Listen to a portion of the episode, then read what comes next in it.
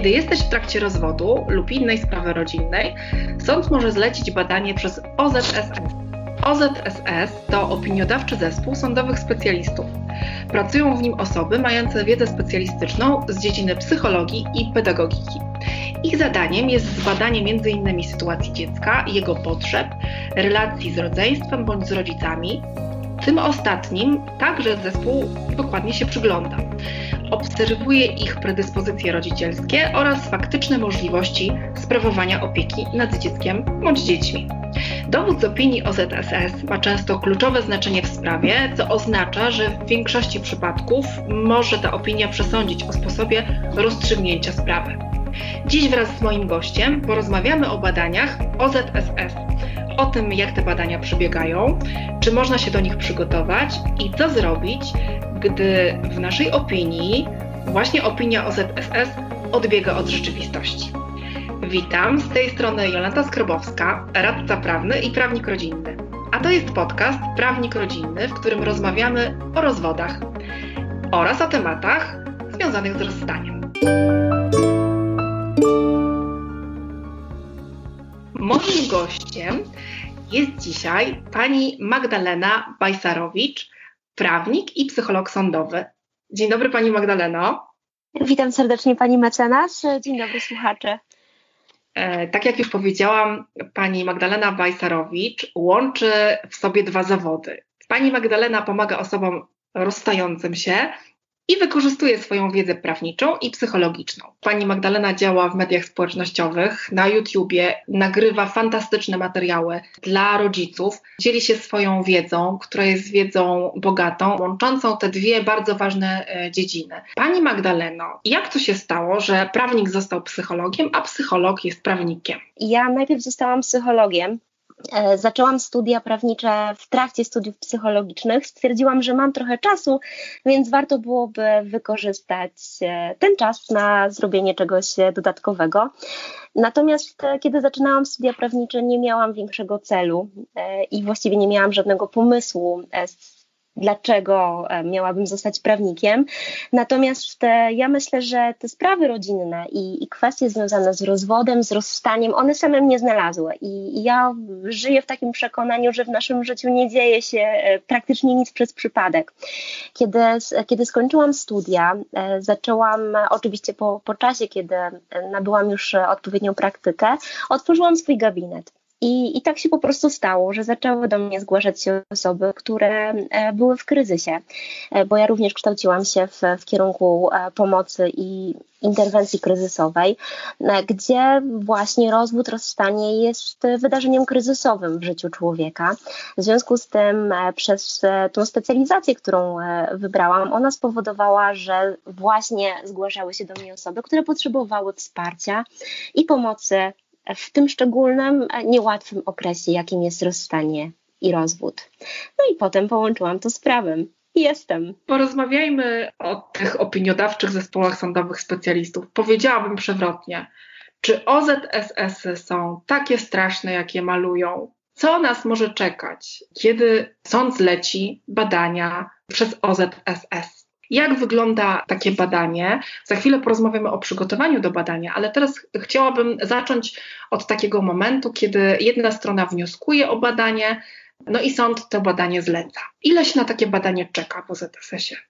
Ja bym jeszcze, pozwolę sobie jeszcze zacząć mhm. trochę wcześniej, pani mecenas, bo ja widzę, jak wielkie znaczenie mają pytania, które zadaje, e, które zadaje się do e, OZSS-u, dlatego że te pytania, które e, są w postanowieniu sądu, one tak naprawdę determinują cały proces badawczy.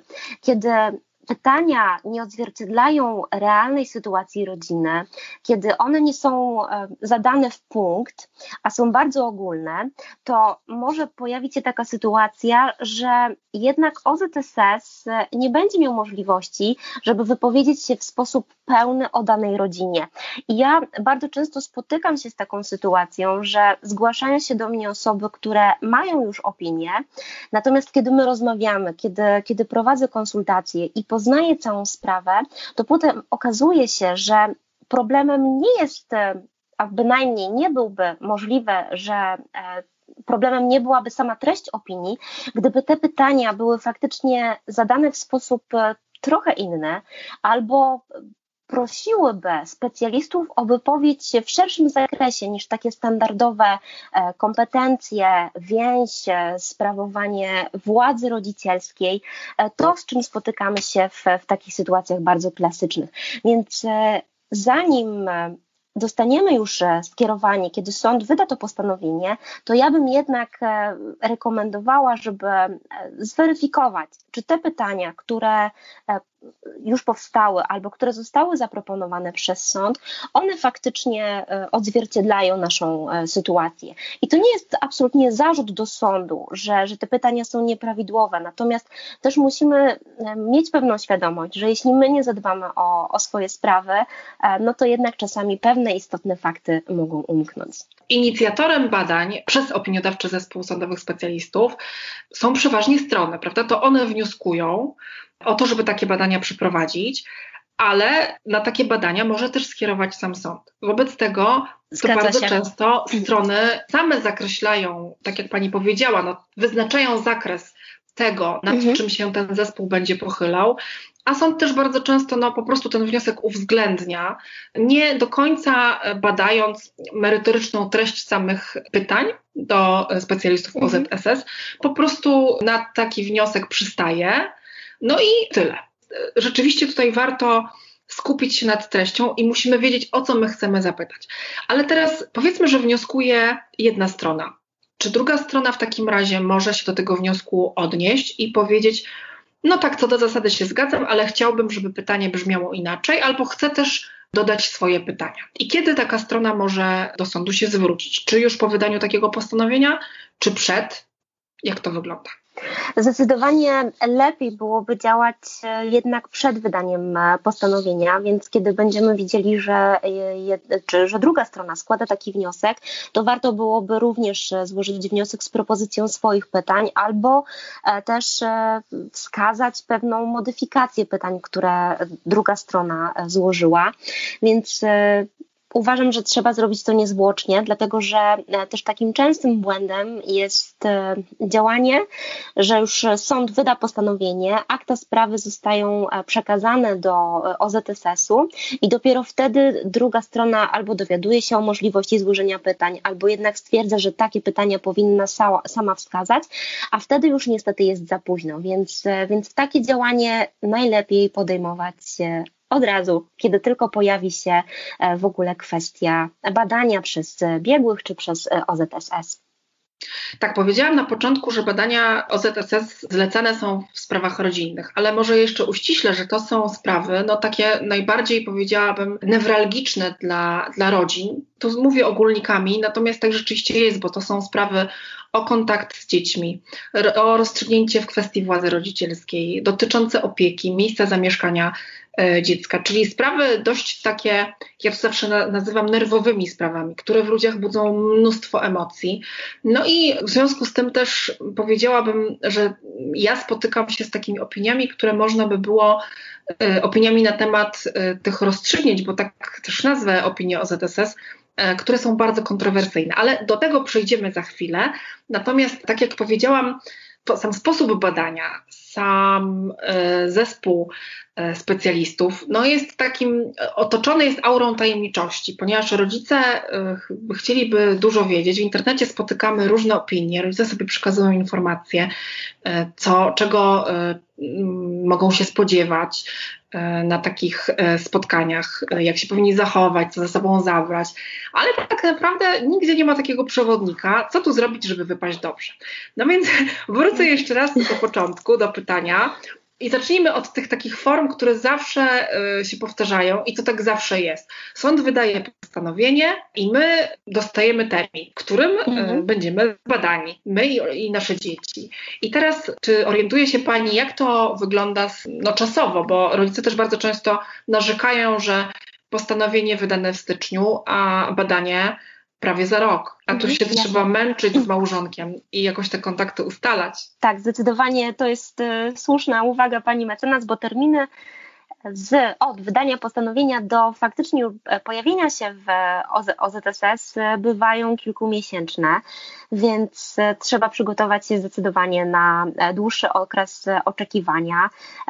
Czasami to wszystko zależy od OZSS-u i od obciążenia danego ośrodka, no bo w, mamy przecież tych ośrodków w Polsce kilkanaście więc e, każdy ma też indywidualny sposób pracy, natomiast termin 4 e, do 8 miesięczny jest terminem realnym. Zdarzają się sytuacje, natomiast one są bardzo sporadyczne, że sąd e, jednak wskazuje w postanowieniu, aby daną sprawę potraktować priorytetowo, i wtedy widziałam w takich okolicznościach, że badania były wyznaczane w przeciągu miesiąca od wydania takiego postanowienia. Natomiast jest to bardziej wyjątek niż reguła. Więc w takich klasycznych, klasycznych sprawach, gdzie sąd nie będzie widział konieczności przyspieszenia, trzeba uzbroić się zdecydowanie e, w cierpliwość. Ale ja sądzę, że te sprawy wyjątkowe, priorytetowe to są sprawy, gdzie rzeczywiście zagrożona jest być może dobro dziecka, albo rodzice są w ogromnym konflikcie. No więc znowu dobro dziecka jest zagrożone. No i sąd gdzieś tam robi wyjątek. Czy to jest tak, że jest takie duże zapotrzebowanie na te badania? Bo pani mówi o obłożeniu, ale czy to wynika z małej ilości ośrodków, czy z no, z tak dużych potrzeb rodziców, z tak dużych potrzeb sądowych. I ja myślę, że tutaj te warunki one są e, połączone ze sobą, dlatego że jednak e, ośrodki są e, ograniczone, jeśli chodzi o kwestie personalne. Też dużo spraw jest kierowanych do EZSS-ów. Oczywiście, kiedy rozmawiamy o sprawach rozwodowych, czy tak jak pani mecenas mówi o ustalenie kontaktów, miejsce zamieszkania, więc Sądy bardzo często, kiedy mają rozstrzygać właśnie o tych e, kwestiach e, kluczowych, decydują się na e, pozyskanie wsparcia i poznanie opinii psychologów i pedagogów. Więc to jest wszystko ze sobą połączone, więc pewne uregulowania systemowe i zapotrzebowanie właśnie na, na badania i na opinie wydawane przez OZSS. Jak przebiega takie badanie OZSS? Dostajemy zawiadomienie, z którym na pewno mamy podany adres, gdzie się mamy zgłosić. No i zgłaszamy tak. się, no bo w tym przypadku obydwoje rodzice chętnie e, idą na to badanie. Jak to wygląda? Tak naprawdę, jak będzie wyglądało badanie, e, zależy od e, praktyki w danym ośrodku. Natomiast są elementy stałe, które właściwie w 99% badań e, się powtarzają. E, czyli kiedy zgłosimy się na badanie, na początku zostaniemy e, poproszeni o wypełnienie ankiety, zostaniemy poinformowani, czego dotyczy badanie, na jaką okoliczność zostaliśmy wezwani i powinien zostać zakreślony plan badania. I w takim planie badania i, i w ogóle w tym całym procesie diagnostycznym e, będziemy Prze, będziemy mieli przeprowadzany wywiad, e, czyli specjaliści OZSS e, będą chcieli dowiedzieć się kilka rzeczy o nas. Pomimo tego, że pewne informacje zawarte są w aktach sprawy, to chciałabym, żeby osoby, które są przed badaniem, jednak e, założyły, żeby nie traktować e, informacji, które już znajdują się czy w pismach procesowych, e, czy są przedstawione jako dowód, dowód do sądu, traktować te informacje, że specjaliści w OZSS już je poznali, więc nie będziemy o oczywistościach rozmawiać. Absolutnie trzeba rozmawiać o oczywistościach i podejść do takiego badania e, w taki sposób, żebyśmy od e, samego początku e, dobrze się zaprezentowali, czyli żeby przedstawiać swoje atuty, mówić o swoich pozytywnych stronach, być też wiarygodnym w tych, w tych swoich przekazach. Natomiast, żeby ten komunikat do specjalistów był taką, taką naszą pozytywną historią i naszym, i naszym i przedstawiać nasze e, dobre doświadczenia i naszą osobę w pozytywnym świetle. Ja, kiedy przygotowuję rodziców do badań OZSS, bo ja jako psycholog zwracam uwagę bardzo na sposób przekazywania komunikatów i kiedy właśnie określamy, jakie informacje i w jaki sposób przekazywać OZSS, to absolutnie pracujemy nad tym, w jaki sposób te komunikaty budować i czasem pokazuję moim klientom, jak różnie brzmią sformułowania, które byśmy mówili w, w, takim, w takiej rozmowie swobodnej, a jak można to samo sformułowanie po prostu przedstawić i przekuć w atut, przedstawiając nasze na przykład kompetencje wychowawcze. Więc e, tutaj sposób e, budowania komunikatów, e, też kolejność, nastrój, w jakim jesteśmy, mają absolutnie znaczenie i to są kwestie związane bezpośrednio z wywiadem. Też nieodzownym elementem badań w OZSS jest obserwacja. I obserwacja przybiera różne formy i prowadzona jest na różnych etapach. Natomiast warto e, nastawić się i być przygotowanym na to, że jesteśmy poddawani e, obserwacji i tak naprawdę nasze zachowania e, poddawane są ocenie całkiem możliwe, że przez cały czas. Więc jest takim standardem w opiniach jest ocena e, ubioru dziecka, czy dziecko było przygotowane na kilkugodzinne badania, a właściwie czy rodzic był na to przygotowany, czy posiadał e, na przykład przekąskę, czy, czy posiadał e, napój dla dziecka, czy zostały zapewnione dziecku takie podstawowe potrzeby związane właśnie z jedzeniem i z zapewnieniem może nie tyle atrakcji, ale jednak zajęcia w, w ciągu bardzo często e, kilkugodzinnych badań e, w OZSS-ie. E, później też takim kolejnym elementem obserwacji jest badanie, jest diagnoza zachowania dziecka w stosunku do każdego z rodziców i odwrotnie też zachowań każdego z rodziców w stosunku do dziecka. I trzecim elementem e, prowadzenia badań e, bardzo często są e, kwestionariusze i różnorodne testy.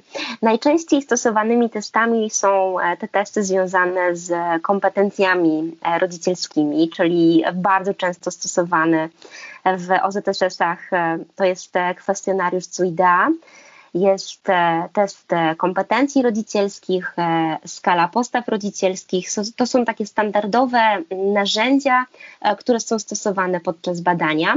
Też dobrym standardem zalecanym w literaturze i, i też często stosowanym w, w procesie diagnostycznym jest badanie osobowości, więc w, najczęściej właśnie w tych obszarach poruszają się specjaliści, dobierając metody kwestionariuszowe. To ja zacznę e, od początku, czyli wchodzę sobie e, do budynku, w którym działa zespół, biorę za rękę tak. moje dziecko i wiem, że mam je ubrać, bo już się dowiedziałam, przeczytałam to nawet w internecie, że mam je ubrać schludnie.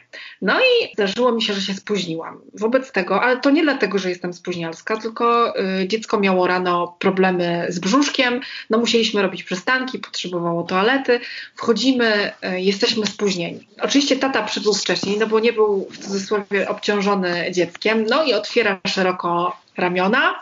Nasze dziecko biegnie do taty, cieszy się, że go widzi, chociaż normalnie codziennie go nie widuje, cieszy się, bo po prostu e, widzi go po raz pierwszy od dłuższego czasu. I ja rozumiem, że od momentu, kiedy my wejdziemy do budynku, to już możemy e, myśleć o tym, że jesteśmy poddani obserwacji. Tak, zgadza się. Jesteśmy od, od samego początku, niemalże od przekroczenia progu ośrodka. Czyli w takiej sytuacji należy powiedzieć i nie ukrywać, dlaczego się spóźnilimy. E, należy no, po prostu osobom, z którymi rozmawiamy, wyjaśnić, że dziecko się denerwowało, albo dziecko po prostu dzisiaj e, gorzej się czuje, no bo to na pewno też będzie miało wpływ na ten kolejny etap obserwacyjny naszego dziecka, gdzie ono może być apatyczne. Generalnie nie warto czego ukrywać, co jest związane no, z taką naszą relacją, a jednocześnie co miało wpływ na dane badanie. Ale mm, z drugiej strony no, mamy różnych rodziców, różne charaktery. Jedni są bardziej skryci, inni są bardziej wylewni. Niektórzy zbyt dużo nie chcą powiedzieć y, takim właśnie specjalistom, bo myślą sobie, jak powiem mniej, to lepiej, bo może powiem za dużo i coś tam napiszą dziwnego na mój temat, no bo to trochę takie, trochę takie czary mary i to różnie może wypaść to badanie. Jak pani myśli? Co tak naprawdę należałoby od samego początku powiedzieć, czyli inaczej, może czego przed specjalistami nie ukrywać, a co sobie darować i co tak naprawdę, mimo że powiedziane szczerze i my to robimy no, kierując się dobrem dziecka, ale jednak czego nie warto mówić specjalistom z OZSS? Właściwie informacji, których nie warto mówić, jest e, tak naprawdę one są zależne od e, danej sytuacji. Natomiast jednak łatwiej byłoby, e, myślę, że wskazać taki kierunek, odpowiadając trochę przewrotnie na to pytanie, czyli co warto powiedzieć. Więc z tym myślę, że będzie zdecydowanie ułożyć taki, pro, taki plan wypowiedzi w sposób jednak bardziej pozytywny. Przede wszystkim skupiłabym się na tym, aby przedstawić mm, nasze życie z, z dzieckiem, naszą rolę rodzicielską, tak jak faktycznie ona wygląda, natomiast skupić się na tych atutach, czyli e, jaki mamy wpływ na e, edukację dziecka, e, w jaki sposób e, organizujemy dziecku wolny czas, w jaki sposób dbamy o zdrowie dziecka. Czy konsultujemy na przykład kwestie niepokojące albo zastanawiające ze zdrowiem, z rozwojem dziecka, ze specjalistami. W jaki sposób e, uczestniczymy w życiu przedszkola, w życiu szkoły, e, jak, e, jak spędzamy z dzieckiem wolny czas. Więc łatwiej myślę, że mówić o tych rzeczach, które są dla nas pozytywne, niż zastanawiać się, co byłoby na przykład źle zrozumiane. Też musimy pamiętać e, o tym, że wywiad ma pewną strukturę. I ja, kiedy zapoznaję się z dziesiątkami opinii, e, przygotowywanych właściwie przez różne OZSS-y, e, to jestem w stanie zauważyć i właściwie zauważyłam pewien schemat związany z wywiadem, czyli najpierw rodzice są pytani o przeszłość, czyli z jakiej rodziny pochodzą, czy mają kontakt ze swoją rodziną, czy, czy się wspierają, czy członkowie rodziny pomagają w opiece nad dzieckiem. Później, e, czy, czy są obciążenia zdrowotne w, w rodzinie, e, czy rodzic ma nałogi, czy, czy nie ma tych nałogów, czy leczył się e, przewlekle, czy teraz ma jakieś dolegliwości. Więc to jest taki wywiad związany z pochodzeniem Następnie przechodzi się do e, informacji i, i, chce się uzyskać informacje związane z e, historią relacji rodziców, e, czyli jak długo byli razem przed, jeśli byli małżeństwem, jeśli jest to sprawa, opinia dotyczy postępowania o rozwód. To są pytania, jak długo byli małżeństwem, jak jak długo znali się przed zawarciem związku małżeńskiego, w jakim czasie pojawiło się dziecko, e, czy e, ciąża była, jaki miała przebieg ciąża, więc e, to są te kwestie zdrowotne dotyczące również dziecka, w jaki sposób rodzice uczestniczyli w, w opiece nad, nad dzieckiem. No i potem już z, od takich ogólnych informacji przechodzimy do kwestii związanych z aktualną sytuacją, czyli czego dotyczy no najczęściej konflikt, no bo jednak kiedy w większości sytuacji, kiedy rodzice kierowani są na e, badanie, no jednak są oni w konflikcie. Ja pamiętam kilka takich spraw, które konsultowałam, że, że rodzice mieli nawet porozumienie E, zapisane pomiędzy sobą. Natomiast sąd mimo wszystko e, chciał skierować rodziców na badanie, natomiast są to kwestie bardzo, e, bardzo incydentalne. I więc kiedy rozmawiamy o badaniach OZSS, jednak są pewne kwestie, które, które trzeba wyjaśnić. Na przykład rodzice są w konflikcie. Więc wtedy przychodzi się do poznania perspektywy każdego z rodziców. Jeżeli jesteśmy w konflikcie z drugim rodzicem, no to bardzo często wiemy o nim rzeczy, których taki psycholog e, nie wie, no bo widzi tego człowieka po raz pierwszy. Ja tutaj nakreśliłam taką scenkę, że tata z otwartymi ramionami wita dziecko, no a dziecko oczywiście stęsknione za rodzicem, łapnie tego zbliżenia kontaktu, no i bardzo często porzuca tą mamę z tyraną, która tutaj od rana biega za nim, martwi się, masuje brzuszek i leci do taty. Cześć tato, co słychać, co słychać, tatusiu? No, tatuś oczywiście być może jest manipulatorem. Ja oczywiście zmyślam tę sytuację i tylko, y, tylko na potrzeby tutaj naszej rozmowy, mhm. bo nie chodzi o takie sytuacje, gdzie, gdzie już niezależnie od konfliktu rodziców jednak tata y, kocha dziecko, ale tutaj w tej sytuacji mówimy o takim ojcu, który być może kocha, ale jednocześnie średnio się zajmuje, jest właśnie manipulatorem, otwiera szeroko ramiona, tak jak wspomniałam mhm. wcześniej, no i z dzieckiem się wita. Powiedzieliśmy już, że rodzice są obserwowani, dziecko jest obserwowane. Cała ta scenka z jednej strony pokazuje takiego tatę i dziecko, które są na początku oczywiście całej tej obserwacji w świetnej relacji. A matka wie, mhm. że to nie jest tak do końca, że ten tata to wcale nie jest taki dobry, że zjawia się w życiu dziecka incydentalnie, że przekupuje dziecko, że kupuje mu zabawki i ona by chciała tym ludziom o tym powiedzieć. I teraz e, co zrobić, czy lepiej po prostu opowiedzieć o sobie, no bo już niezależnie od tego, my i tak będziemy mówiły o sobie, ale czy tylko na sobie się skupić, czy jeszcze jednak e, no, zahaczyć o temat taty, trochę o nim opowiedzieć, że to niekoniecznie tak wygląda. Pytam dlatego, że no, też czytałam niejedną opinię i bardzo często z takim produktem, tak to nazwę, przychodzą do mnie klienci i mówią tak, pani mecenas, nie mogła mnie powiedzieć, że tata czy mama, no załóżmy, że, że przychodzi klientka, więc opowiada o ojcu, no, że on jest y, niedobrym ojcem, że on się dzieckiem nie, y, nie zajmuje, że no właśnie robi to sporadycznie, jak już się pojawia, to się spóźnia i wychodzi wcześniej i w zasadzie to bierze, daje do ręki telefon temu naszemu dziecku i tak spędza z nim czas.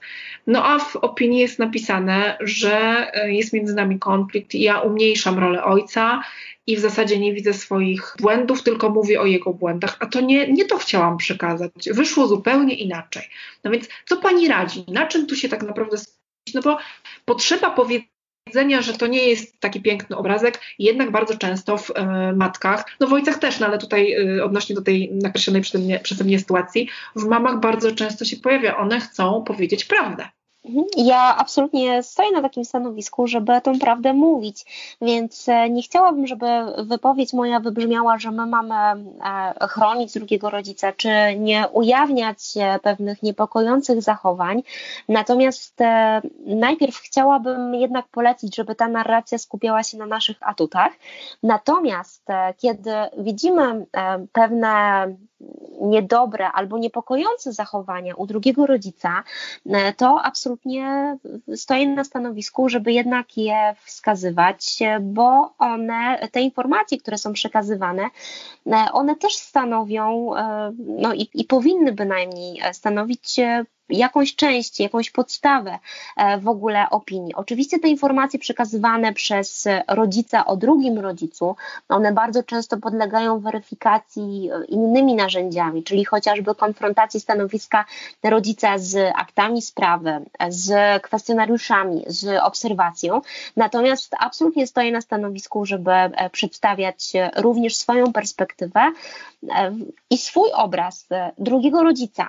Nie rekomendowałabym jednak jednej rzeczy, żeby żeby mówić tak totalnie i, i, i, bardzo źle o drugim rodzicu, żeby jednak, e, jeśli możemy znaleźć e, jakiś e, pozytyw, jakąś dobrą cechę, to jednak, żeby o tym powiedzieć. Natomiast, no, jeśli tutaj faktycznie mamy już tyle zarzutów w stosunku do drugiego rodzica i ciężko byłoby nam znaleźć jaki, jakikolwiek pozytyw, no to też nie rekomendowałabym, żeby zmyślać i wymyślać pozytywne cechy e, o drugim rodzicu. Poza tak. tym musimy pamiętać, jeszcze tylko pani mecenas powiem, musimy pamiętać, że specjaliści zapoznają się z aktami sprawy. A w aktach sprawy jest e, i w pismach procesowych stron no jest bardzo dużo informacji na temat drugiego rodzica. I stąd płynie, płyną dwa wnioski. Jeden jest taki, że E, należy mówić o sobie pozytywnie, ale muszę też e, przestrzec. E, ja z perspektywy właśnie prawnika, który czyta różne opinie i tam bardzo często jest taki inny zapis, który mówi, że rodzic w zbyt dobrym świetle, znaczy nie wiem, czy to dokładnie tak jest sformułowane, może nie do końca, ale, mhm. ale to, co ja teraz powiem, odzwierciedla, odzwierciedla moją myśl, że rodzic w zbyt dobrym świetle postrzega, postrzega siebie, swoją właśnie, swoje predyspozycje opiekuńcze. Odnoszę wtedy wrażenie, że możemy też przedobrzyć, więc najlepszą radą i rzeczywiście tu się z Panią zgadzam, jest po prostu mówienie prawdy, ale takie odpowiednie nastawienie. Ja zawsze, kiedy widzę w ogóle taką niepewność w rodzicach, bo oczywiście, kiedy mówimy o konflikcie, to, to nigdy nie ma tak, że rodzic jest w stanie jasno i obiektywnie ocenić drugiego rodzica, tylko on zawsze jest zły po prostu. Bardzo często, y, jeśli chodzi o sprawy rozwodowe, jest rozwód między rodzicami, ale jednocześnie rodzic gdzieś tam no tak nakierowuje dziecko, żeby to dziecko też trochę rozwieść z rodzicem. Oczywiście mówię to, mówię to przekornie i tak y, się nie da, że, my się, że dzieci rozwiedziemy z drugim rodzicem, ale chodzi mi o to, że jak już my zrywamy kontakty, to zabieramy ze sobą e, zabawki, dziecko, piaskownicę i drugi rodzic najlepiej niech się odczepi i tylko niech płaci aliment po prostu.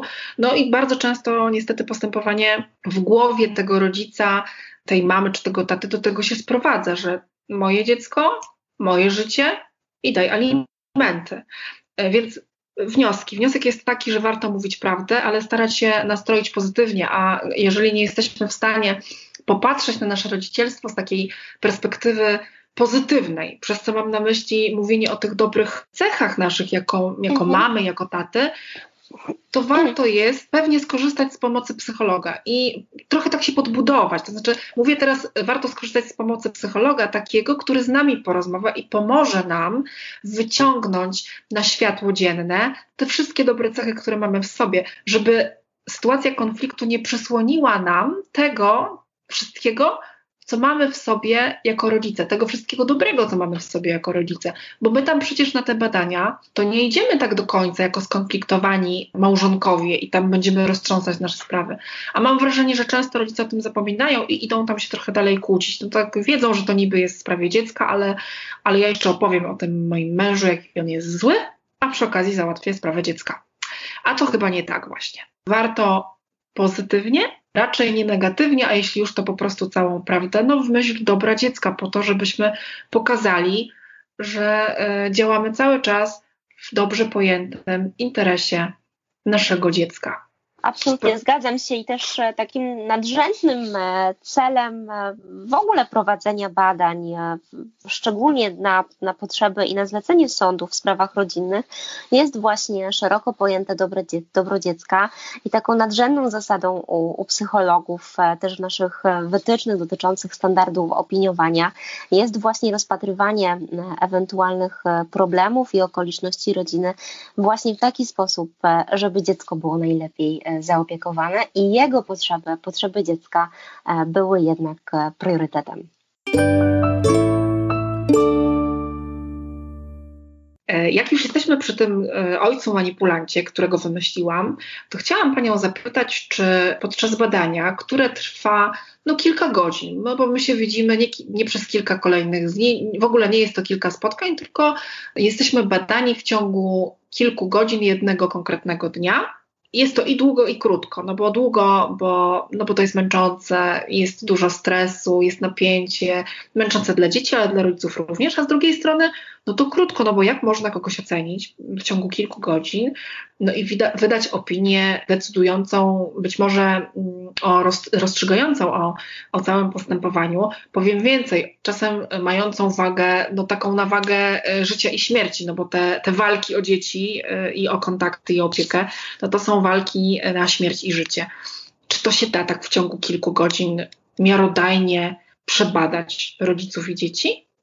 To jest bardzo trudne pytanie, dlatego że e, nasuwa się taka racjonalna e, odpowiedź, e, no jak można poznać rodzinę, jak można poznać rodzica i dziecko, E, będąc e, zaledwie kilka godzin w, w kontakcie e, z nimi. Więc tutaj odpowiedź nasuwa się, że absolutnie nie. Natomiast jesteśmy no w takiej rzeczywistości, że no trzeba znaleźć jakiś kompromis pomiędzy faktycznie tym, co my jako psychologowie diagnostyczni możemy zrobić, czego możemy dokonać prowadząc ten proces i opiniując, a faktycznie ta granica pomiędzy poznaniem e, faktycznie wszystkich członków rodziny. Stąd e, no, stosuje, stosuje się różne metody diagnostyczne, żeby jednak e, móc poznać no, w krótkim czasie, jednak jak naj, najlepiej te osoby. Psycholog, który opiniuje, pedagog, który opiniuje, ma też dostęp do akt sprawy i to pozwala popatrzeć na sytuację rodziny w takiej szer szerszej perspektywie, również szerszej perspektywie czasowo. Więc e, myślę, że stwarzamy i, i musimy też stwarzać tą namiastkę jednak e, głębszego i, i większego poznania e, rodziny, właśnie stosując różnorodne metody badawcze. Więc e, mamy akta sprawy, mamy e, narzędzia wystandaryzowane, czyli te testy, kwestionariusze, mamy obserwacje, e, rozmowę z rodzicami, mamy też narzędzia, które możemy stosować w stosunku do dzieci w procesie diagnostycznym. Więc są to takie metody, które, które mogą nam pozwolić poznać w większym lub czasem mniejszym jednak stopniu, ale mimo wszystko poznać rodzinę, z którą e, spotykamy się w procesie diagnostycznym. Czy na badania, oprócz tego oczywiście, co znajduje się, oprócz dokumentów znajdujących się w aktach sprawy, czy na badania warto zabrać jakieś jeszcze dodatkowe dokumenty, zdjęcia, nie wiem, opinie nauczycieli, e, jakiekolwiek materiały, które w naszej opinii mogłyby nam pomóc albo naświetlić właśnie, e, jak wyglądają relacje, jak wygląda w ogóle życie naszego dziecka. No a z perspektywy na przykład osoby, która nas reprezentuje, prawnika, no one nie zostały załączone do akt sprawy, zostały potraktowane jako takie, no nie powiem, że zbędne, ale średnio może użyteczne, a my jednak byśmy bardzo chcieli.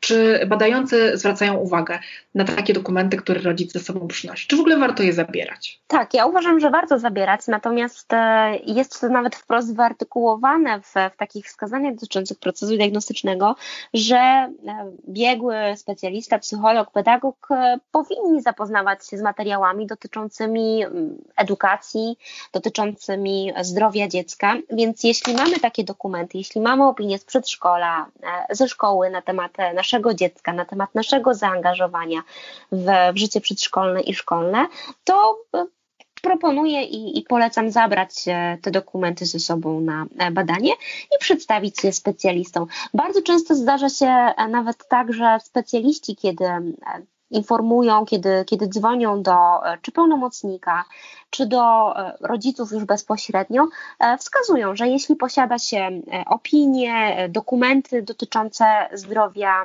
dziecka, opinie o dziecku, to żeby je na badanie zabrać. No to ja jeszcze raz wrócę do tego taty. Mimo, że czas tego badania jest krótki, no ale tata y, manipulant no troszkę się z dzieckiem pobawił, ale za chwilę wyciągnął telefon i zaczął zabawiać dziecko telefonem. I teraz pytanie, czy w ciągu tak krótkiego czasu, no taki biegły psycholog, biegły mam na myśli taki, który już nie, nie jednego rodzica obserwował i widział, jest w stanie wychwycić, że tata e, no nie jest taki, na jakiego e, się kryguje tutaj, jest po prostu manipulantem. Tak, ja widziałam opinie, w, w, których faktycznie ten problem, e, czy to zjawisko było opisywane i, i, w stosunku nie tylko e, ojców, ale jeśli drugi rodzic, e, na przykład matka dopuszczały się, dopuszczali, więc tutaj chciałabym bardziej, że tak powiem, neutralnie powiedzieć, bo, bo i jeden rodzic jednej płci i, i rodzic drugiej płci może dopuszczać się zachowań, które niekoniecznie są zgodne z. No tak, z bo ja oczywiście dziecka. w świetle tylko i wyłącznie tego mojego, tej mojej opowieści, ale chciałabym, żeby to wybrzmiało. Tutaj absolutnie nie stygmatyzuję panów. Na prędce wymyśliłam sobie taką historię, ale to oczywiście może dotyczyć każdej ze stron i ja również widziałam takie opinie. Tam wprawdzie nie było y, zwrotu, że tata jest manipulantem, y, czy mama y, manipuluje. Niemniej różne tego rodzaju zachowania no, dotyczyć mogą tak naprawdę każdego rodzica, rodzica każdej płci, o tak bym powiedziała, więc i mamy, i tatę. E, jasne, natomiast wracając e, do, do tej historii, do tego pytania dotyczącego właśnie faktu, że dziecko bardzo ochoczo i, i, i wręcz z taką dużą potrzebą e, reaguje na drugiego rodzica i, i właśnie puszcza mamę, która przyszła na, na badanie i kieruje się bezpośrednio do ojca z, z, z takim zapałem, to jednak musimy zwracać, znaczy ja bynajmniej zwracam na to uwagę i to też często wybrzmiewa w opiniach, że dziecko reaguje tak na drugiego rodzica w momencie, kiedy ma deficyt kontaktu i faktycznie długo się nie widziało. No i teraz powstaje kolejne pytanie, dlaczego dziecko długo nie widziało się z, z takim rodzicem? Czy jest to działanie rodzica pierwszoplanowego, czy, czy jest to działanie rodzica drugoplanowego, który miał mieć kontakty, a po prostu się nie stawia na te i, i nie chce utrzymywać regularnych i nie chce mieć, odbywać regularnych spotkań ze swoim dzieckiem. Więc e, tutaj ten e, bardzo często deficyt związany z, z kontaktami jest e, badany i jest sprawdzany. Dlaczego dziecko tak zareagowało? To jest pierwsza kwestia. Też e, mówiłam o tym e, podczas naszej e, dzisiejszej rozmowy, czyli kwestia dotycząca prowadzenia obserwacji. Ta obserwacja jest prowadzona na różnych etapach.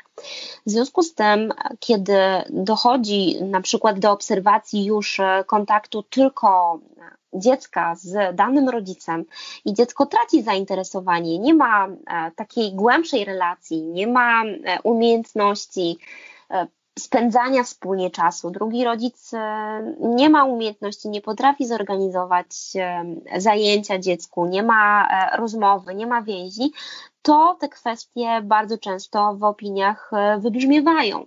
Czyli ten taki pierwszy spontaniczny i silny kontakt, on wcale nie przesądza o tym, że opinia będzie absolutnie korzystna i że specjaliści nie zauważą tego problemu. E, i kwestii, które właśnie powodują takie zachowanie dziecka. Czy można po prostu na takie badanie nie przyjść? Można. Oczywiście, że można nie przyjść. Natomiast zawsze w, kwestii niepojawienia się na badaniu trzeba e, no, rozważyć, czy jest to dla nas e, korzystne.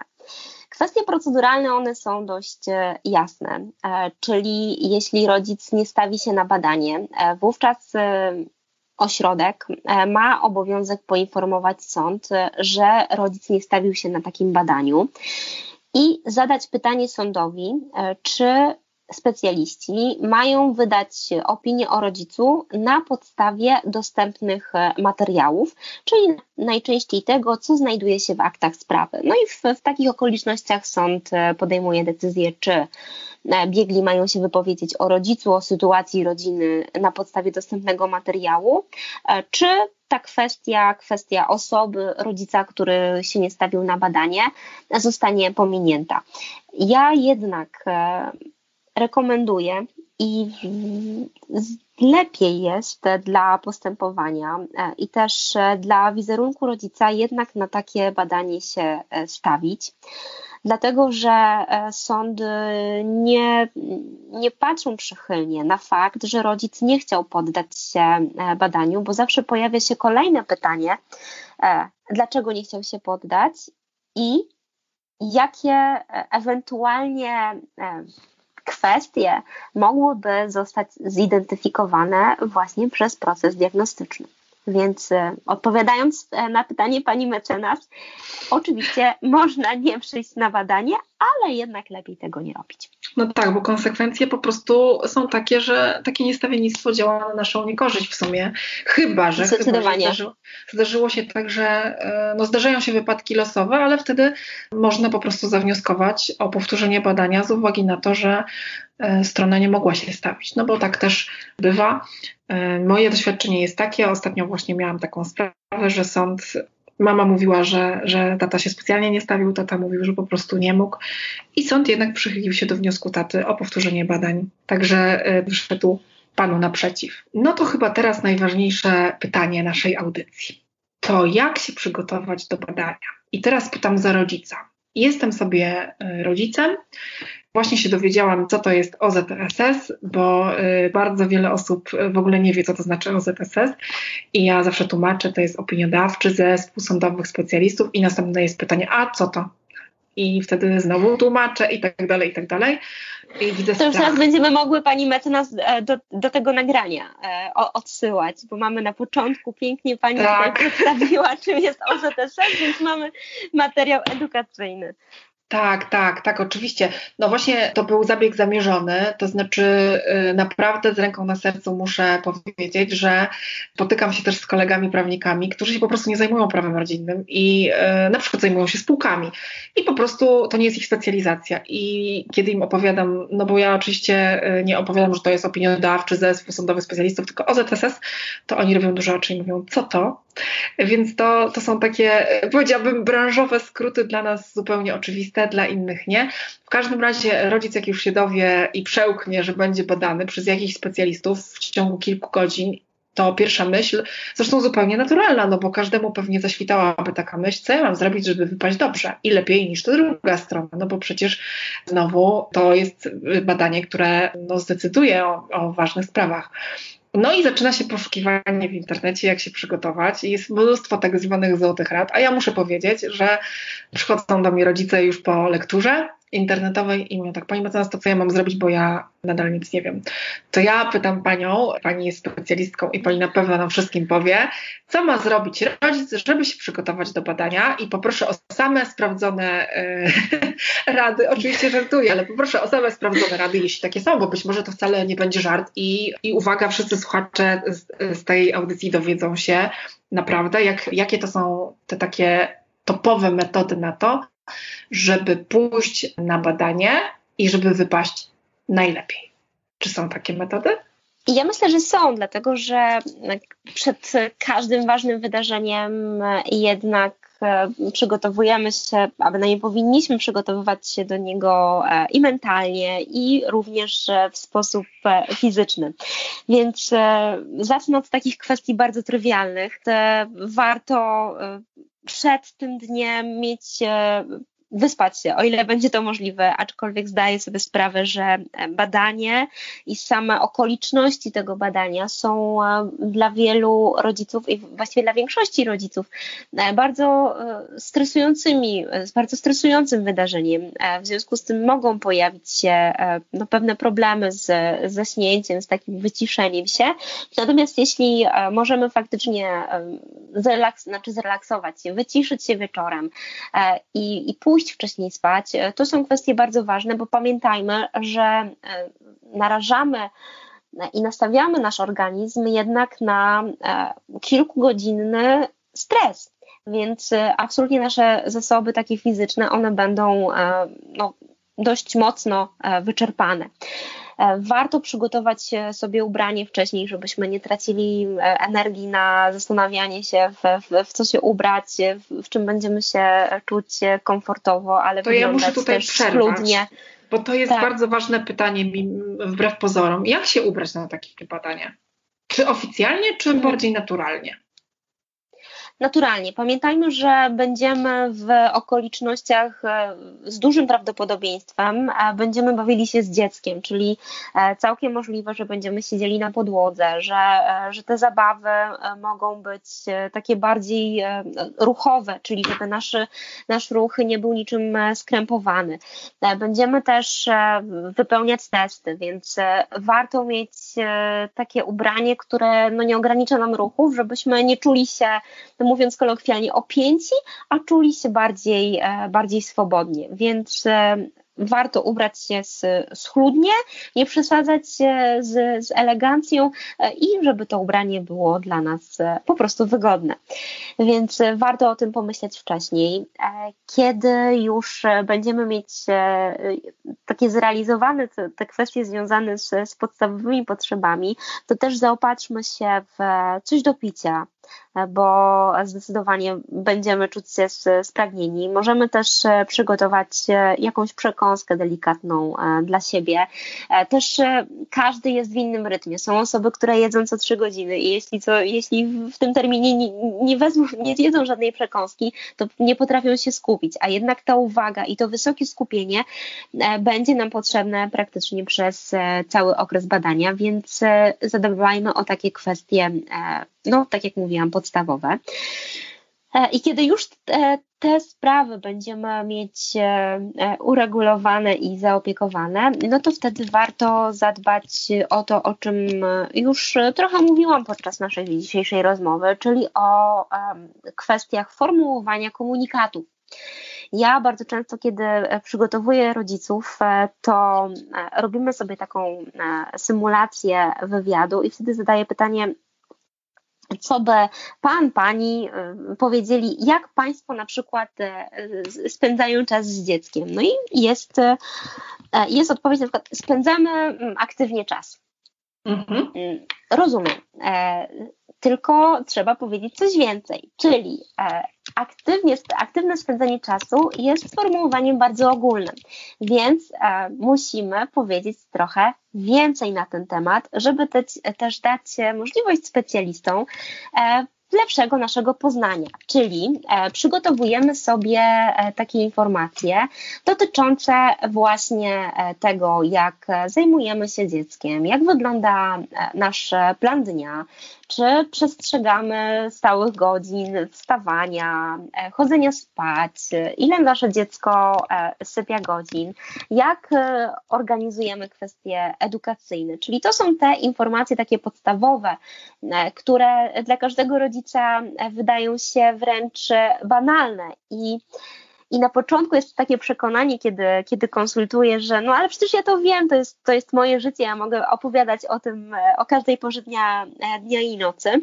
I ja się zgadzam, że faktycznie w, o takich kwestiach, które, e, które, które robimy na co dzień, możemy opowiadać bardzo spontanicznie, bez przygotowania. Natomiast pamiętajmy, że jednak badanie UZSS jest mocno nacechowane emocjonalnie, więc warto sobie taki plan wypowiedzi e, przygotować wcześniej i, i też wrócić do e, poprzedniej części naszej rozmowy, kiedy mówiłam e, właśnie o tym, jak wygląda wywiad i o jakie informacje jesteśmy pytani. No tak, to dorośli. A jeśli chodzi o dzieci, no bo tutaj mówiłam o manipulacji dorosłych, jeśli chodzi o własną osobę i przedstawienie siebie w dobrym świetle. Oczywiście my byśmy zawsze chcieli, żeby nas postrzegano jako dobrego rodzica. Bardzo często tak jest, że po prostu jesteśmy dobrym rodzicem, chcemy się przedstawić w dobrym świetle, chcemy się dobrze zaprezentować, no ale to jest naturalną naszą właściwością mm, taka potrzeba e, dobrej samoprezentacji. Na to badanie zabieramy e, dziecko. Ono no jest e, małym człowiekiem, nie myśli jak dorosły, nie ma w sobie takiego e, genu manipulatora, więc jeśli już ktoś tu przy dziecku manipuluje, no to dorosły. Czy pierwsze pytanie jest takie, czy w ogóle dziecku warto mówić, e, że ono idzie na badanie, jak to będzie wyglądało, czy raczej e, no, nie, nie tyle okłamać, tylko jakby chyba pobudki są e, takie bardzo ochronne. E, to tak jak czasem gdzieś idziemy i mówimy, wiesz, będziesz się tam bawił z panią, czy bawiła, do takiego przedszkola idziemy. Pytam panią po prostu, jak rozmawiać z dzieckiem i czy należy mu powiedzieć, dokąd idziemy, po co tam idziemy, co będziemy robić. Jednym słowem, czy rozmawiać, jak rozmawiać tak, żeby jednocześnie nie by, żebyśmy nie byli posądzeni o to, że, e, że kazaliśmy coś dziecku mówić, że manipulowaliśmy nim. Absolutnie ja stoję na stanowisku, że e, właściwie w tych, tych kwestiach związanych w ogóle z rozwodem, że z dziećmi trzeba rozmawiać. I dzieci trzeba uprzedzać o pewnych e, wydarzeniach, e, które, się, które mają nastąpić. I tak też jest w kontekście badań w OZSS. Absolutnie doradzam moim klientom, żeby, żeby rozmawiali z dziećmi i uprzedzali dzieci, że będą, że pójdą do pani psycholog czy, czy do pana psychologa. Ważne jest e, przede wszystkim powiedzieć, że takie badanie będzie i też nakreślić trochę, jak ono będzie e, wyglądało. Czyli na pewno e, trzeba uprzedzić dziecko, że będzie pytane o to, jak, jak spędza czas, jak, jak się czuje, jak wygląda jego dzień. Oczywiście dostosowujemy ten komunikat do wieku dziecka, no i też rodzice wiedzą, jakie sformułowania dziecko jest w stanie zrozumieć. Natomiast warto powiedzieć dziecku o takich kwestiach ogólnych, że pan albo pani będą pytali o rodzinę, no i odpowiadaj na pytania zadawane przez panią psycholog, przez pana psychologa, przez, przez panią pedagog. Warto zapytać dziecko, czy wie, kim jest pani psycholog, czy wie, kim jest pani pani e, pedagog. E, bardzo często specjaliści te kwestie, jeśli dziecko nie wie, też e, samodzielnie wyjaśniają. Natomiast widziałam opinie, w których było docenione, że dziecko było dobrze przygotowane przez rodzica do badania. Przygotowane w takim sensie, że dziecko było po prostu uprzedzone o tym, co się będzie działo. Dla bardzo wielu rodziców, kiedy konsultuję, jest taka obawa, że dziecko będzie musiało zostać samo ze specjalistami.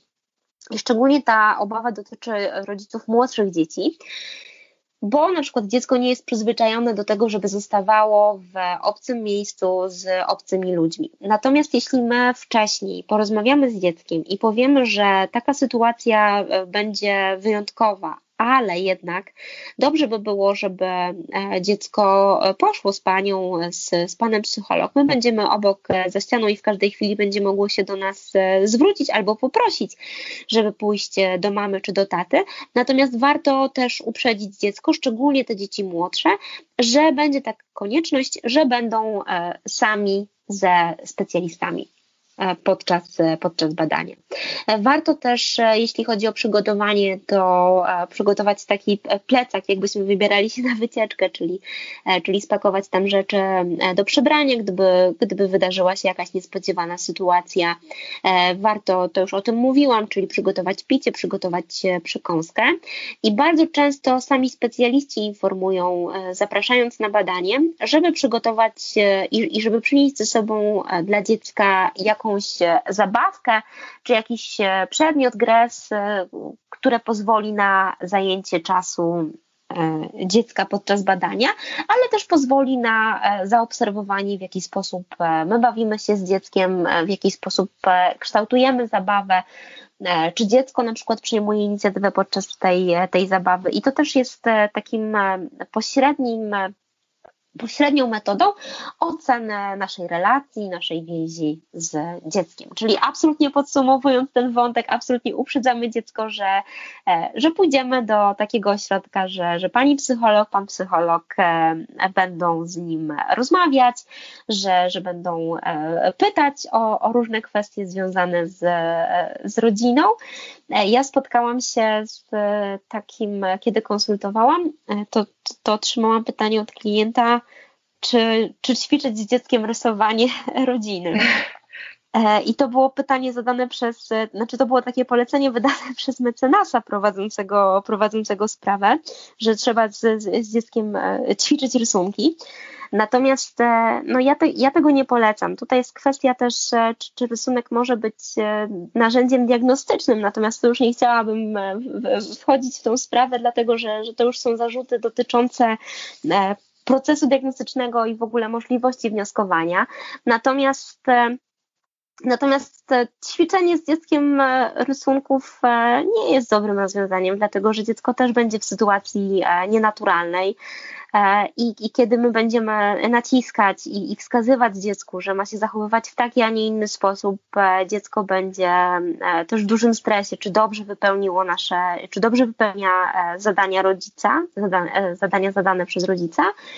I to może doprowadzić do takiej sytuacji, że dziecko po prostu będzie zamknięte, będzie nienaturalne, a, a później, kiedy psycholog znajdzie kontakt, nawiąże kontakt z dzieckiem, to, to, to będzie w, w stanie no, zweryfikować, w jaki sposób dziecko zostało e, przygotowane przez e, drugiego rodzica. Rysunek rodziny pana, e, zdaje się, Frydrychowicza, to jest narzędzie diagnostyczne, które bada relacje rodzinne i ono ma pokazać, jest też, zdaje się, chyba drzewo i w zależności od tego, gdzie dziecko e, umieści członka danej rodziny, no to, to ma to wpływ na na wynik tego testu. No i oczywiście tutaj pani mówiła o próbie nauczenia dziecka malowania e, rodzica czy członka rodziny w odpowiednim miejscu albo w odpowiedni sposób.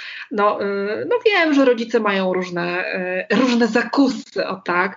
Natomiast to, czego na pewno byśmy nie radziły, to to, żeby, no, żeby dziecku mówić, co ma mówić. To znaczy w takim sensie, że powiedz, mhm. że tata jest taki, albo powiedz, że mama jest w ogóle zawsze bardzo dobra i tylko nie mów, że robi to i tamto, no bo, no bo jednak to nie jest tylko tak, że, y, że bada, badający przeprowadzają wywiad, no po to są te narzędzia diagnostyczne, żebyśmy odpowiedzieli nie, nie odpo odpowiedzieli nie odpowiadając, może tak. Czyli, że pewne rzeczy wychodzą, a niekoniecznie mm, osoby, które nas badają, muszą bezpośrednio y, o daną rzecz właśnie pytać. Więc y, to jest bardzo zgubne i y, ta manipulacja dzieckiem może, mm, może wyjść po prostu.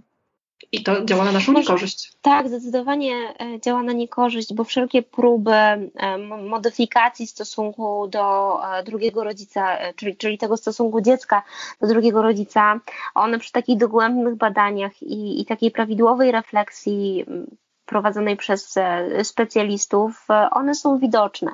Poza tym dzieci, e, kiedy jeszcze pracowałam z dziećmi, to, to dzieci, które są w takim konflikcie lojalnościowym, one też mają takie specyficzne zachowania, one, te, te twierdzenia i te sądy, które są przez dzieci przede wszystkim w wieku późnym przedszkolnym i, szkolnym wydawane, one są takie bardzo zachowawcze i, i, dziecko stara się właśnie za wszelką cenę nie powiedzieć nic złego o, o rodzicu, kiedy pojawiają się niewygodne pytania, to, to dziecko milczy albo unika tematu. I, i, przy oso- i, i, przy specjalistach, przy psychologu, który zajmuje się na co dzień diagnozą dzieci i jest mocno osadzony i w literaturze, i w praktyce dotyczącej e, diagnozy, to takie rzeczy są e, po prostu widoczne.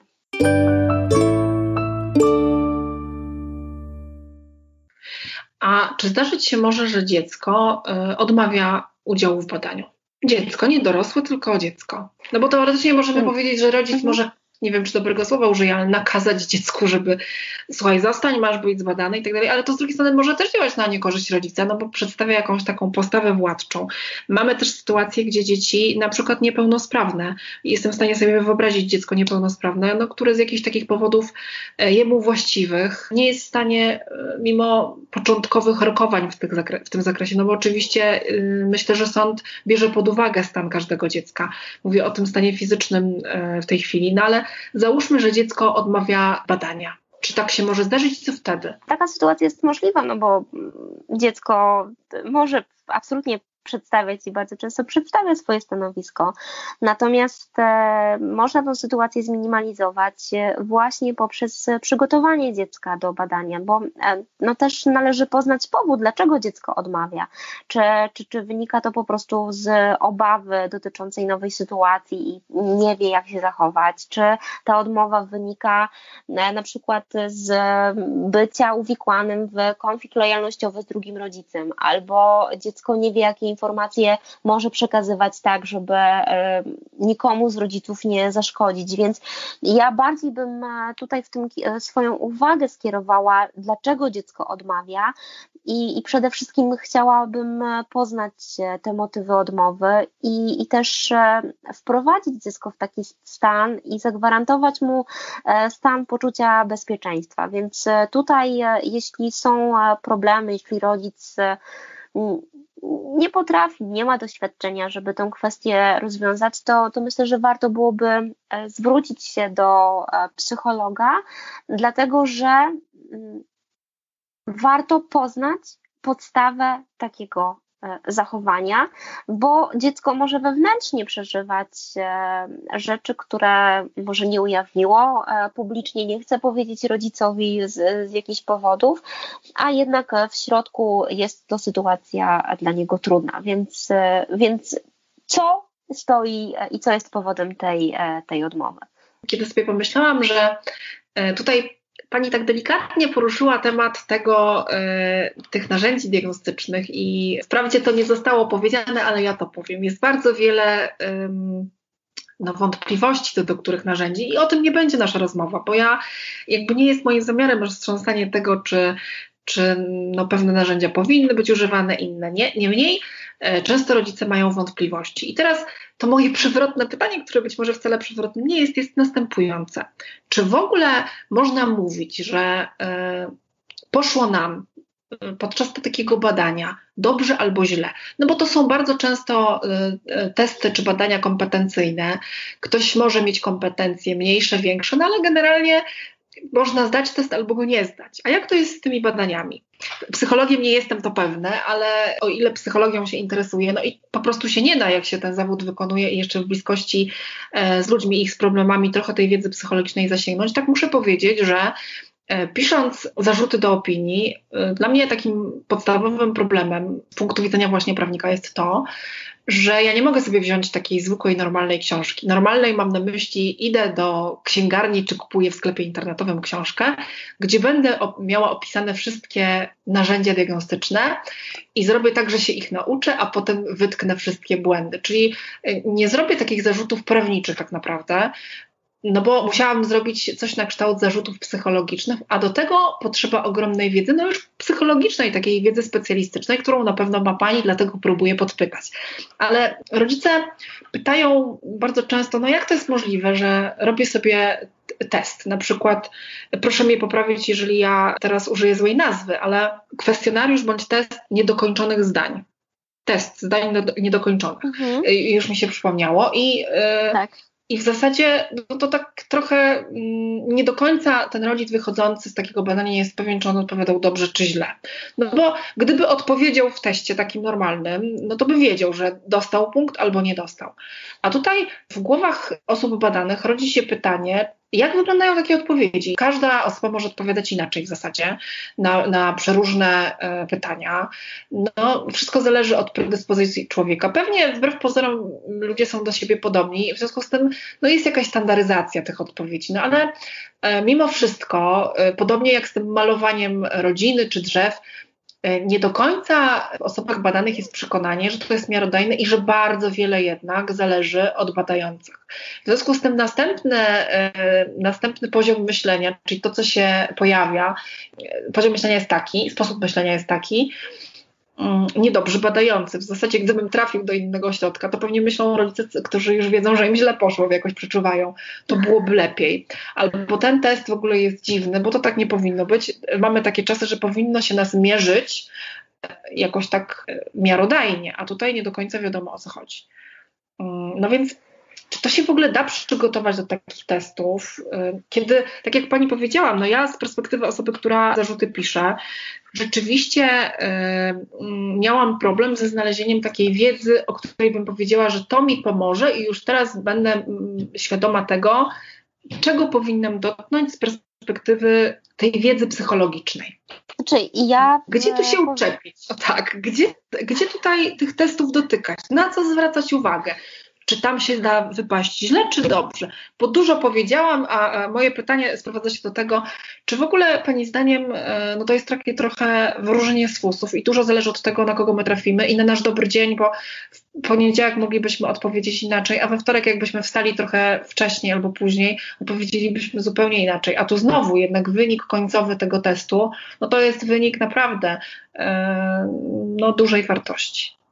Tutaj e, kwestie absolutnie przy prowadzeniu w prawidłowy sposób e, diagnozy, kwestie związane z takimi predyspozycjami e, psychicznymi, z też uwzględnieniem zmęczenia, bo absolutnie znaczenie ma w, w którym momencie badania będziemy wypełniać testy. Jeśli rodzic zostanie do wypełnienia testu na początku badania, to oczywiste jest, że e, jego e, umysł i percepcja są na wyższym poziomie niż e, po, niż po badaniu, właśnie chociażby w wywiadzie, który trwa długo, jest bardzo eksploatujący, czy podczas długo, długiej obserwacji, czy podczas konfrontacji z drugim rodzicem. Więc są to aspekty, które powinny być brane E, podczas e, przygotowywania opinii i, syntezy wszystkich e, informacji z różnych narzędzi badawczych, czyli na przykład właśnie to, o czym mówię, w jakim momencie były prowadzone te testy. Pani mecenas, właśnie tutaj mam wrażenie, że to pytanie dotyczy tych testów projekcyjnych, bo tak, test tak, niedokończonych zdań to tak. jest narzędzie projekcyjne. No ja przyznam, jest... że rodzice, to nie jest tak, że to pytanie sobie tak wymyślili, wymyśliłam na prędce, tylko rzeczywiście, jeżeli ktoś już się skarży, to się skarży na to, że on nie wie, czy mu poszło dobrze. I pytanie jest, pani mecenas, ja nie wiem, jak mi poszło. E, I e, no, mm, oczekiwanie jest takie, że fajnie by było kupić jakąś książkę i sprawdzić, jakie są odpowiedzi, ale niestety nie ma takich. Mhm. Przynajmniej nie ma znaczy takich są, dla, są. dla osób fizycznych, statystycznych, kowalskich, bo pewnie dla specjalistów jak najbardziej. Natomiast niech pani powie, gdzie je dostać. I czy się da e, tak? To jest, e, znaczy no da się, tylko trzeba mieć dyplom psychologa. Oczywiście no nie da po prostu. Tak z ulicy zupełnie nie mogę sobie ich kupić, nie, bo... Nie, nie no, można. Przykro mi, proszę no Państwa, sami słyszycie. nie byłby to dobry tak, test, pewnie gdybyśmy znali odpowiedzi. faktycznie, żeby otrzymać dostęp do konkretnego testu, żeby móc zakupić e, kwestionariusze, klucze odpowiedzi, E, to jest się poddawanym weryfikacji, trzeba wysłać e, swój dyplom magistra e, psychologii, on jest sprawdzany i dopiero później otrzymuje się taki dostęp do księgarni internetowej. Najczęściej jest to wydawnictwo Polskiego Towarzystwa Psychologicznego, bo jest to instytucja, która posiada w swojej ofercie w sprzedaży najwięcej testów na rynku w Polsce. I to jest jedyna metoda, żeby e, takie testy nabyć, żeby poznać e, odpowiedzi. Natomiast e, kwestia narzędzi projekcyjnych jest kwestią bardzo dyskusyjną w, w ogóle w środowisku psychologów. Jest obszerna literatura, która wskazuje na to, że z dużą ostrożnością trzeba stosować, należy stosować testy projekcyjne, narzędzia projekcyjne. Szczególnie tutaj bardzo wysokie wymagania stawiane są właśnie badaniom psychologicznym prowadzonym na potrzeby sądu. I ja miałam taką sytuację, że e, przygotowywałam do jednego z e, OZSS-ów e, zastrzeżenia i właśnie one dotyczyły tego, że wnioski były oparte o narzędzie projekcyjne, czyli w tym przypadku właśnie był ten rysunek, który tak już w naszej roz, rozmowie wybrzmiewał. No i to były jedne zastrzeżenia. E, potem do tego samego ośrodka e, drugie zastrzeżenia. Też e, to oczywiście to nie było, to, to nie było tylko, tylko to, co poruszałam, natomiast wskazywałam, że tutaj opieranie wniosków na rysunku nie jest diagnostyczne i w literaturze dopuszcza się stosowanie rysunku tylko jako nawiązanie kontaktu z dzieckiem. I, I, po któryś już zarzutach, które do tego ośrodka właśnie e, przygotowywałam, w końcu dostałam opinię od klienta i tam było napisane w metodach badawczych, że owszem, wykorzystywano rysunek, ale służył on tylko jako nawiązanie kontaktu z dzieckiem. Czyli e, właśnie to było takie doświadczenie, że faktycznie ten rysunek w tym OZS-ie został zmarginalizowany.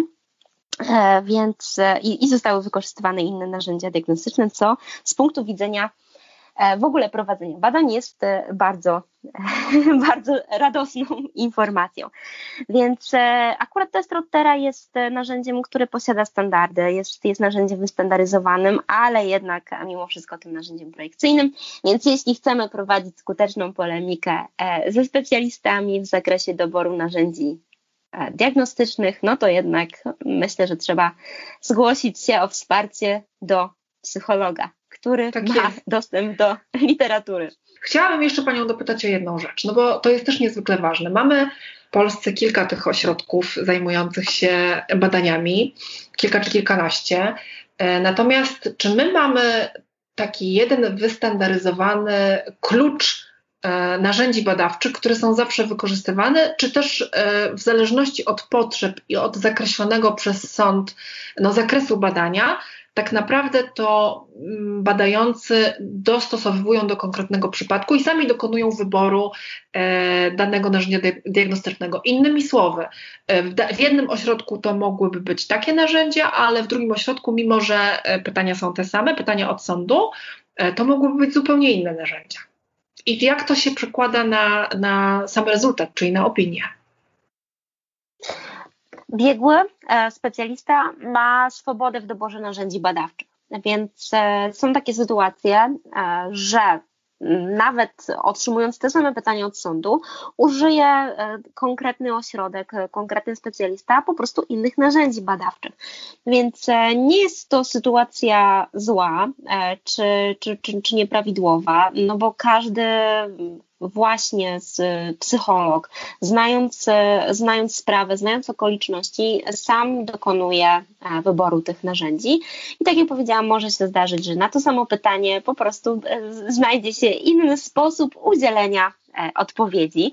Natomiast są e, to, jak e, analizuję opinię, jak, jak otrzymuję opinię od e, właściwie z różnych stron Polski, to jest taka tendencja, że pewne narzędzia są wykorzystywane częściej, a niektóre rzadziej, więc w kwestiach, w kwestiach na przykład badania osobowości bardzo często pojawia się kwestionariusz EPIQR, w kwestiach związanych z kompetencjami i diagnozą to jest kwestionariusz CUIDA, test kompetencji rodzicielskich, skala postaw E, rodzicielskich, więc e, to są narzędzia powtarzalne, natomiast e, no też musimy pamiętać, bo, bo też słyszałam od prawników takie zarzuty, że w konkretnym ośrodku na takie pytania sądu biegli specjaliści zastosowali takie i takie narzędzia, więc jeśli już w innym ośrodku zastosowano inne narzędzia, to proces diagnostyczny nie jest prawidłowy. Może być prawidłowy i to absolutnie nie determinuje że w innym ośrodku zastosowano takie narzędzia, a, w innym e, zupełnie inne nie determinuje, że e, któryś ośrodek zachował się błędnie. No dobrze, to przyszliśmy już badanie, no i e, dostajemy opinię. Ale ta opinia w naszym odczuciu to wcale nie jest opinia, która wyraża naszą prawdę, może tak powiem, i e, stwierdziliśmy, że absolutnie specjaliści się na nas nie poznali, e, absolutnie nie wiedzą, co jest dla dziecka dobre. Co teraz? Co my możemy z taką opinią zrobić? Możemy złożyć zastrzeżenia do opinii i tam przedstawić swoją perspektywę.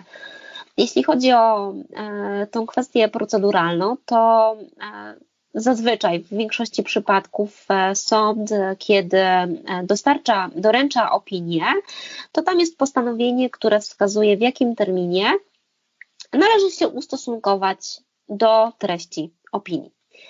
I wtedy kiedy nie jesteśmy zadowoleni, kiedy uważamy, że opinia nie jest prawidłowa, że wnioski e, w niej są nieprawidłowe, kiedy mamy wątpliwości dotyczące w ogóle przeprowadzenia badania, czy już wspomnianych e, narzędzi badawczych, na przykład właśnie testu niedokończonych zdań Rottera, czy, czy innego narzędzia, możemy swoje zastrzeżenia złożyć do sądu.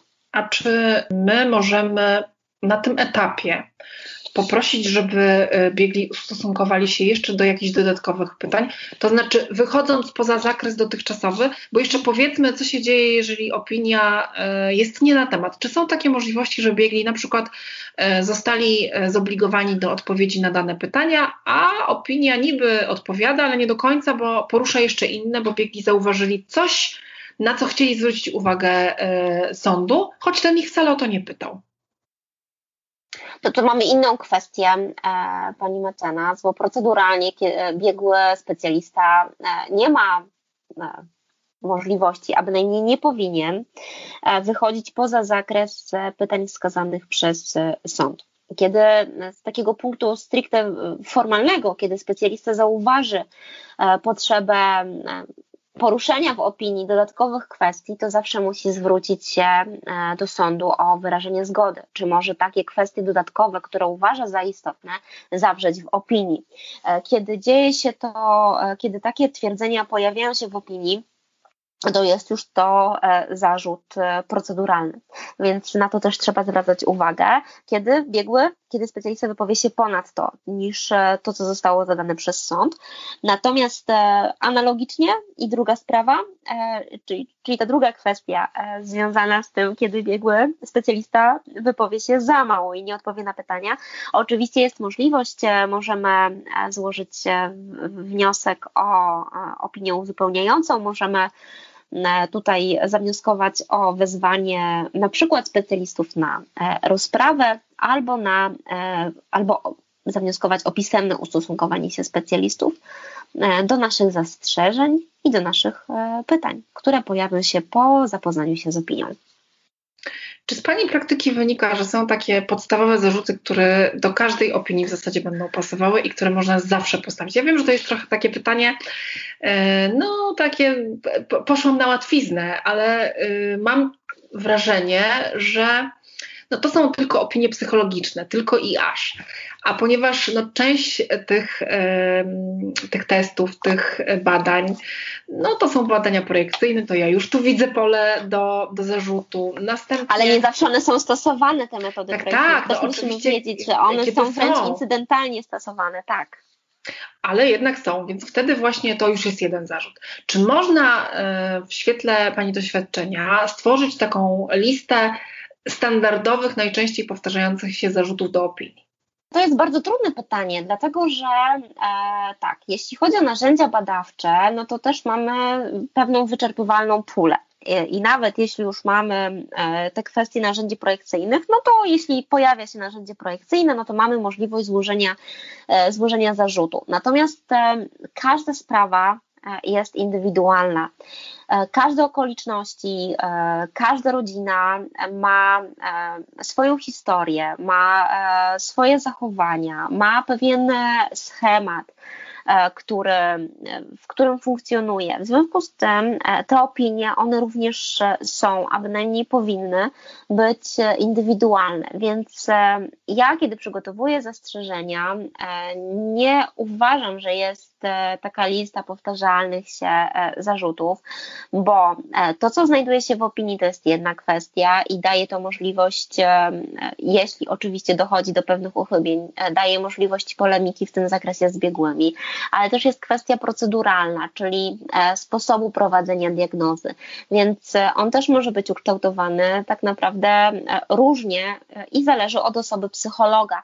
Więc, więc tak naprawdę mamy, może z drugiej strony, mamy standardy diagnozy, mamy literaturę, która wskazuje psychologom, w jaki sposób powinni prowadzić proces diagnostyczny i kiedy pojawiają się odchylenia od, od, od tych zasad, e, kiedy pojawiają się e, właśnie wątpliwości dotyczące interpretacji, to daje nam możliwość e, prowadzenia zarzutów, a opinie bywają naprawdę bardzo, bardzo różne i dotykają no też różnych, różnych aspektów i na różne kwestie zwraca się uwagę w opiniowaniu. Czy często sąd kieruje ponownie na badanie przez OZSS, czy to są raczej sprawy incydentalne? No bo z jednej strony to na pewno przedłuży postępowanie, bo tu już powiedziałyśmy, że terminy są jednak odległe. Mm, z drugiej strony ja jestem w stanie sobie wyobrazić, że są tacy rodzice, którzy y, no, podejmują różne działania po to, żeby po prostu postępowanie przedłużyć. Y, no i teraz oczywiście zależy to od sądu, ale y, czy, czy często zdarza się tak, że, że sąd drugi raz, jeżeli już się zdarza, to jakie to są przypadki takiego ponownego skierowania e, do badania przez OZSS?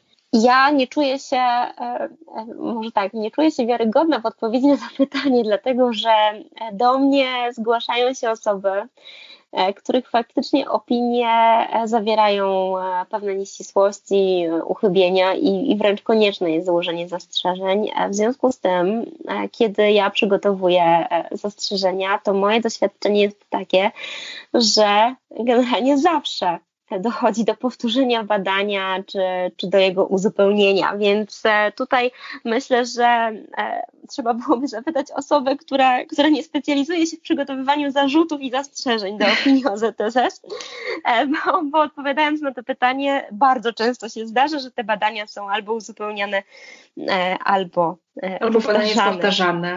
Ale tak. to chyba dobrze, dlatego że wtedy po pierwsze rodzic jest no, spokojniejszy w zakresie tego, że to badanie drugi raz przeprowadzone jednak komplementarnie jako całość e, daje lepszy obraz e, tego, jakim on jest rodzicem, czy jakim e, obydwoje rodziców, jakie obydwoje rodziców mają kompetencje.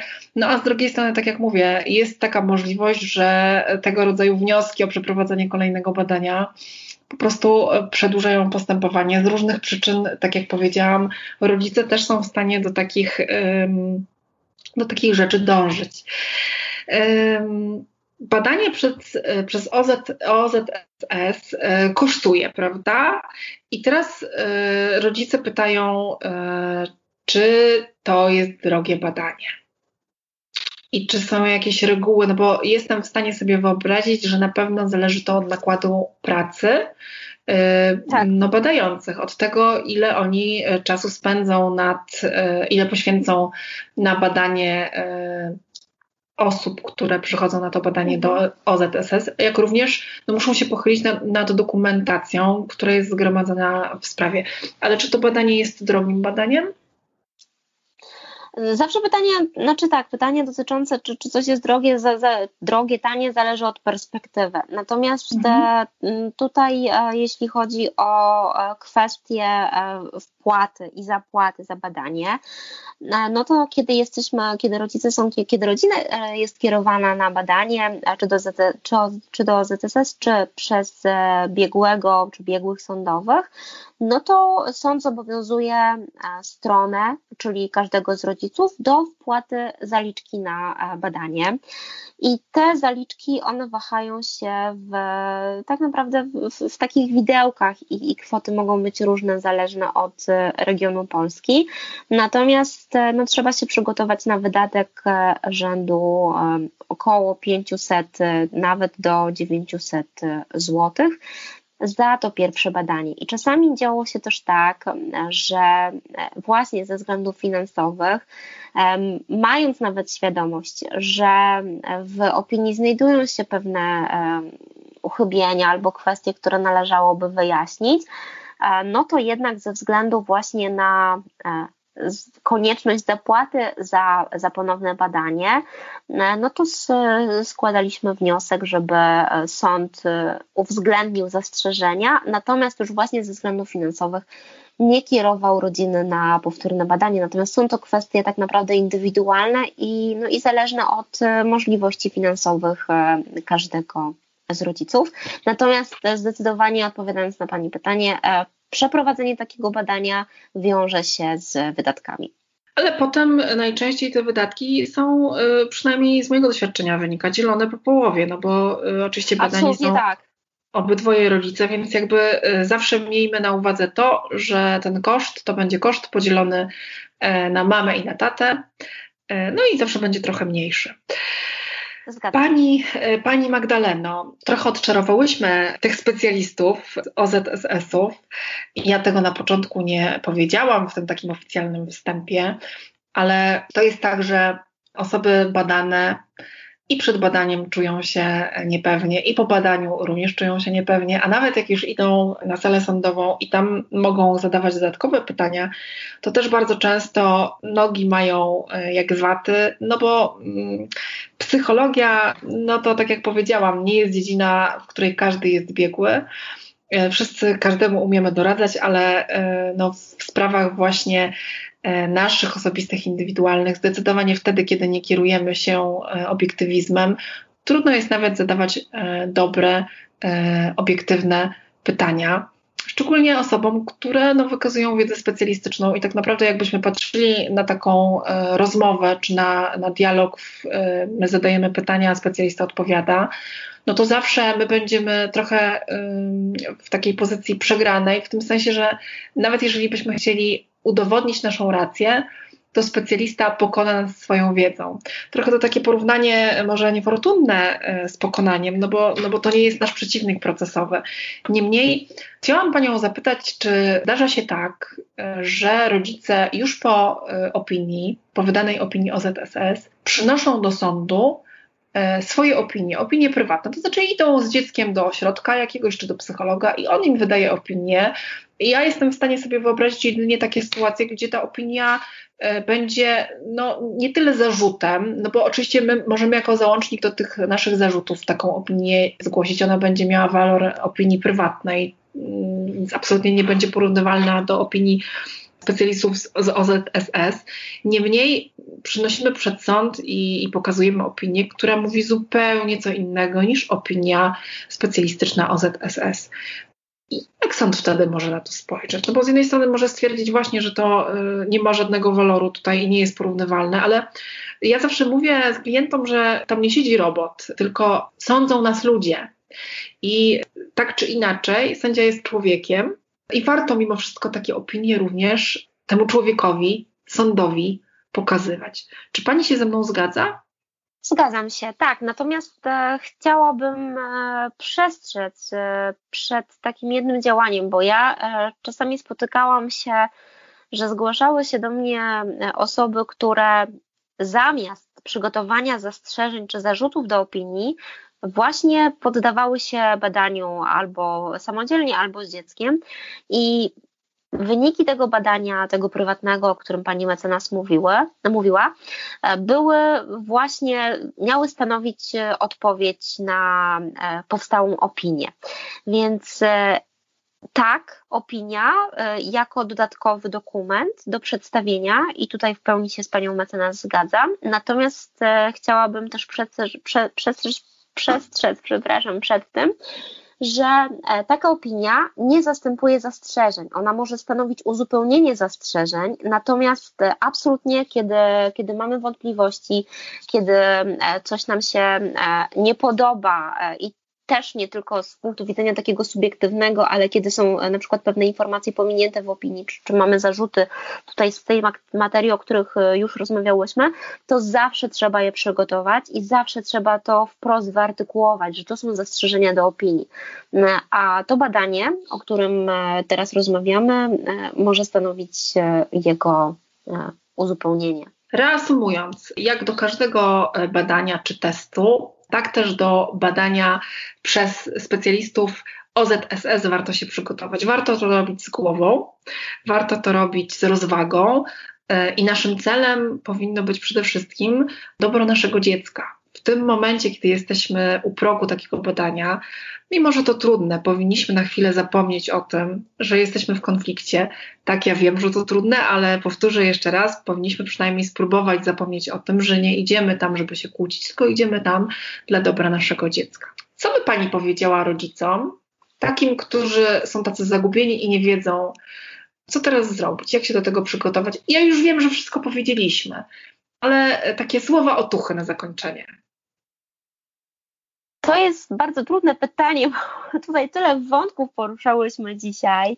E, natomiast na zakończenie chciałabym wskazać, że e, po prostu, żeby być naturalnym i naprawdę rodzice potrafią e, tak wspaniale zajmować się swoimi dziećmi i, i, w sposób absolutnie naturalny po prostu pójść do ośrodka, stawić się w, wyznaczonym terminie i po prostu przedstawić siebie, jako, jako rodzica, bo e, akurat miałam to szczęście, że współpracowałam z osobami, które, e, które naprawdę były świetnymi rodzicami, posiadali, posiadały kompetencje naprawdę doskonałe, a czasami właśnie poprzez obniżoną formę, czy różne takie osobiste kwestie, no to badanie wychodziło różnie. Natomiast jeśli e, podejdziemy do tego w, w taki sposób e, naturalny, że idziemy, idziemy na badanie e, pokazać, jacy jesteśmy, a, a na pewno jesteśmy cudowni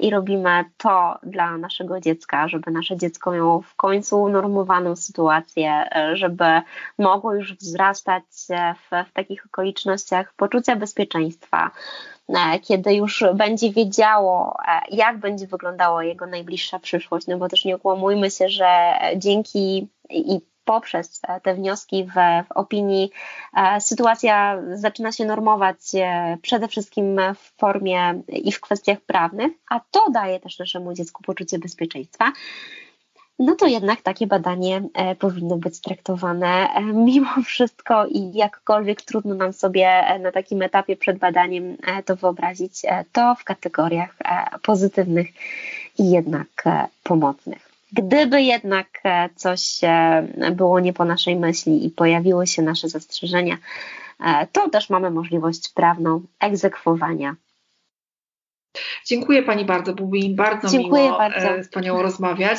Liczę na to, że to nie jest nasza ostatnia rozmowa. I ja już zapraszam, i już zapraszam na następną. A Państwu e, również dziękuję. Zapraszam do słuchania następnych odcinków mojego podcastu. Możecie mnie słuchać na platformie Spotify oraz na innych e, platformach służących do słuchania podcastów. A tymczasem dziękuję i do usłyszenia. Dziękuję, do usłyszenia.